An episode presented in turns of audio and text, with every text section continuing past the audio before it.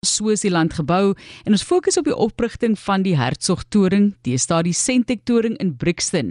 Dis deel 2 van die gesprek en nie die eerste eerste deel misgeloop het. Ek het nou vir jou verduidelik hoe om potgooi te gebruik. Gaan kyk na 360 en daai eerste deel van die gesprek is daar beskikbaar. Dawie Botha is 'n siviele ingenieur en hy vertel die stories vir ons en dit was soos jy gesê Dawie in 1962 die hoogste mensgemaakte struktuur in Afrika teen 237 meter. Welkom. Daar sê. Dankie Matlies en goeiemiddag. Ek wil net eers gou sê, uh hierdie jaar is die 60 60ste jaar uh sedert ons matriek geskryf het. Ek wil vir Willem Olivier sê baie dankie. Hy hou ons groep aan net aan mekaar. Jy het net gesê hoe gaan die tyd verby? So mens kan byna nie glo dat die Hertsgtoring alweer so oud is nie, né? Nou ja, uh, die Hertsgtoring oftewel nou deesdae die Sentek toring by Bixton is vir my persoonlik een van die mooiste torings in die wêreld. As jy mens gaan Google dan dan kry jy nog so 'n vergelyking van hoogtes en ook van die vorms van hierdie torings wat oral oor gebou is. Nou ons in die goudtrein praatjies verwys na die estetiese eienskappe van die ingenieurswerke, maar ek glo dat ons toring is sekerlik in die kategorie van kunswerke. Nou ja, so iets tussenin. Nazir Ali was so baie baie jare siviele ingenieur aan die stuur vir by SANRAL. Dit is die South African National Roads Agency of 'n nasionale padagentskap. En dis dalk een van die mees suksesvolle regeringsmaatskappye as 'n mens so kan noem. Dis nou hierdie state-owned organisations. Nou ek glo hulle is so suksesvol om die bestuur 'n sterk ingenieurspan aan boord het. En net soos Jack van der Merwe 'n mooi trein wou hê, het Nazir Ali met sy kenmerkende laggie gesê: "Die brûe op ons nasionale en ander roetes moet mooi lyk, want dis deel van ons geboude landskap en mense hou van mooi goed." Dalk kan ons 'n bietjie later weer oor Sanral praat. Miskien kan ons vir Nazir kry om om een van die praatjies te doen. Maar nou ja, terug na die torings. Ek dink nie die oorspronklike idee van 'n staalstruktuur toring so naaste by so mooi gelyk as hierdie betontoring nie. Aan die ander kant is die if Eiffel toring, dis nou die Franse uitspraak. Ek het dit met ehm um, Ignatius gesels oor die uitspraak.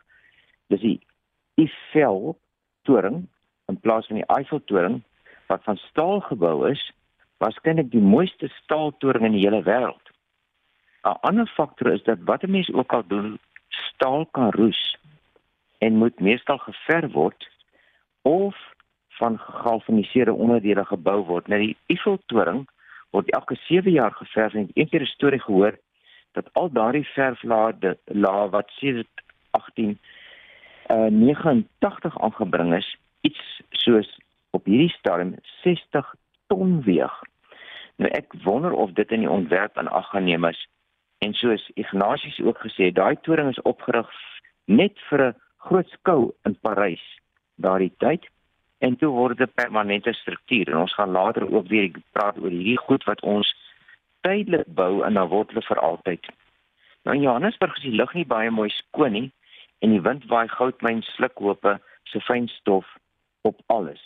So dit land op dakke en strukture en as dit reën dan vorm daar so 'n flou suurmengsel wat bekend is as suurreën. As dit reën Nou op plekke in Europa verweer dit nou hierdie fantastiese ou strukture of nee, ou kunswerke wat uit marmer gemaak is, want natuurlik suureen gaan daardie marmer met die tyd oplos. Maar ja, dit dra by tot korrosie van metaal. So dit ons toe ook op die dak van ons kerkgebou in Willer Park ondervind het. So al maniere van verf en verf en verf en verf. Nou net so uh laaste vergelyking vir twee die Eiffel toring is 300 meter hoog en ons Herzog toring is 250 meter tot by sy hoogtepunt. En Parys en Johannesburg is natuurlik byna ondenkbaar as dit sonder torings sou moes wees. Nou die Eiffel ekskuus, die Eiffel toring het 22 maande geneem om te bou en so die Herzog toring 11 maande gebou. Baie interessant as mens na hierdie syfers kyk want vir my uh, as 'n ingenieur bly dit ongelooflike prestasies. Terug na 'n bietjie meer tegniese aspekte.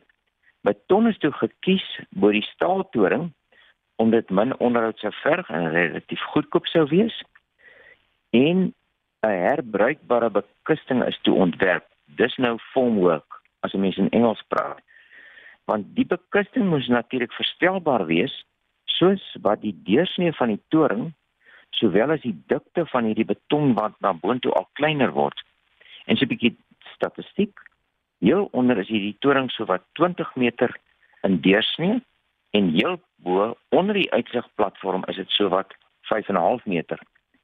Nou die betonwand, met ander woorde die dikte van hierdie betonmuurtjie om dit so te stel wat die toring dan nou uh waaruit hy bestaan is so ongeveer 55 cm en heel bo iets soos 25 cm. So heel bo so ietsie onder 'n voet in die ou taal. Nou daar was 'n hele klomp goed wat my oorweeg moet word om die toring te maak staan en veilig te hou. In hierdie verband is daar dus na die moontlikheid van aardbewings gekyk, iets wat seldsaam is in Suid-Afrika. Ons een van die stilste gebiede in die wêreld wat natuurrampe betref. Gaan kyk maar weer op op internet. Maar Johannesburg veroorsaak mynbedrywighede sowel aardtrillings. Wind was die ander belangrike faktor. Maar op daardie stadium toe hulle nou hierdie ding moes ontwerp, was die langtermyn windspoedmetings nie beskikbaar nie en daar moes aannames gemaak word. En hierdie ingenieurs moes toe nou daaroor besluit. Nou wat by die besluite oor die windkrag gehelp het, is die feit dat ingenieurs wêreldwyd professionele netwerke het om navorsing te doen en hulle ruil inligting uit. In hierdie geval is daar onder andere na Amerika Amerikaanse referate van 1958 gekyk om met die ontwerp te help. Maar nou ja, ons moet ook veiligheidsfaktore vir alle strukture in ag neem want al ons strukture maak nie saak of dit 'n pad of 'n dam of wat ook al nie is in diens van die mensdom en mense vertrou ons in 'n sekere sin met lewe. Dit maak byvoorbeeld hoe ons nie twee keer dink om oor 'n hoë brug te ry nie. Ons vertrou ons dis veilig. Dit wil sê veilig veiligheidsfaktore, dan moet bereken word wat die moontlikheid is van byvoorbeeld windkrag wat die torings laat omval of beskadig of hoe dikwels so wind kan voorkom. En daarna word dan besluit om die toring te bou om sê maar byvoorbeeld 3 keer sterker te wees as wat nodig is. In eenvoudige taal is die veiligheidsfaktor vir die Hertzogtoring 3 maal. So hy is 3 keer sterker as wat ons sou verwag as ingenieurs iets wat miskien 1 en 2 200 jaar voorkom. Maar nou weet mense ook dat hoe sterker die toring bou, hoe duurder word dit. So daar's ook perke aan hoe veiligheid beskou kan word. Maar natuurlik in die middel van 'n stad is daardie faktor baie baie belangrik. Maar dink bietjie as jy 'n plaasdammetjie bou en daardie ene breek, is dit dalk net jou landrye wat verspoel, maar as jy die vaaldam bou, dan verander die prentjie baie drasties. Die plaasdammetjie se water is dalk net vir een boer belangrik, maar die vaaldam is belangrik vir miljoene mense en ek hoop ons luisteraars verstaan hierdie prentjie van die veiligheidsfaktore. Nou die elektriese kragtorings wat so 'n paar weke gelede in die Karoo omgewal vervrommel is, het veroorsaak dat die kragonderbreking 'n paar duisend mense ernstig geraak. Maar as die kragtorings wat die lyne na Johannesburg toe dra omwaai, word natuurlik miljoene mense geraak. Nou volgens die artikels soos ek reeds gesê het, is die Hertsgtoring ontwerp vir 'n twee keer die windkrag wat teoreties een keer in 200 jaar sou voorkom. Nou in daardie artikel in Sashi tydskrif van daardie jaar is baie bladsye bespreking oor die windkrag en is daar baie ingewikkelde formules wat gebruik is. En ook wat vertikale kragte betref, moet die ingenieurs natuurlik op baie fyn kyk want beton is swaar. En die druk op die onderste gedeelte baie groot. En nog onder toe op die fondament en natuurlik nog onder toe op die grond en die rots onder die grond. So 'n interessante aspek is ook vir heel bo is daar besluit om 'n groot platform te bou.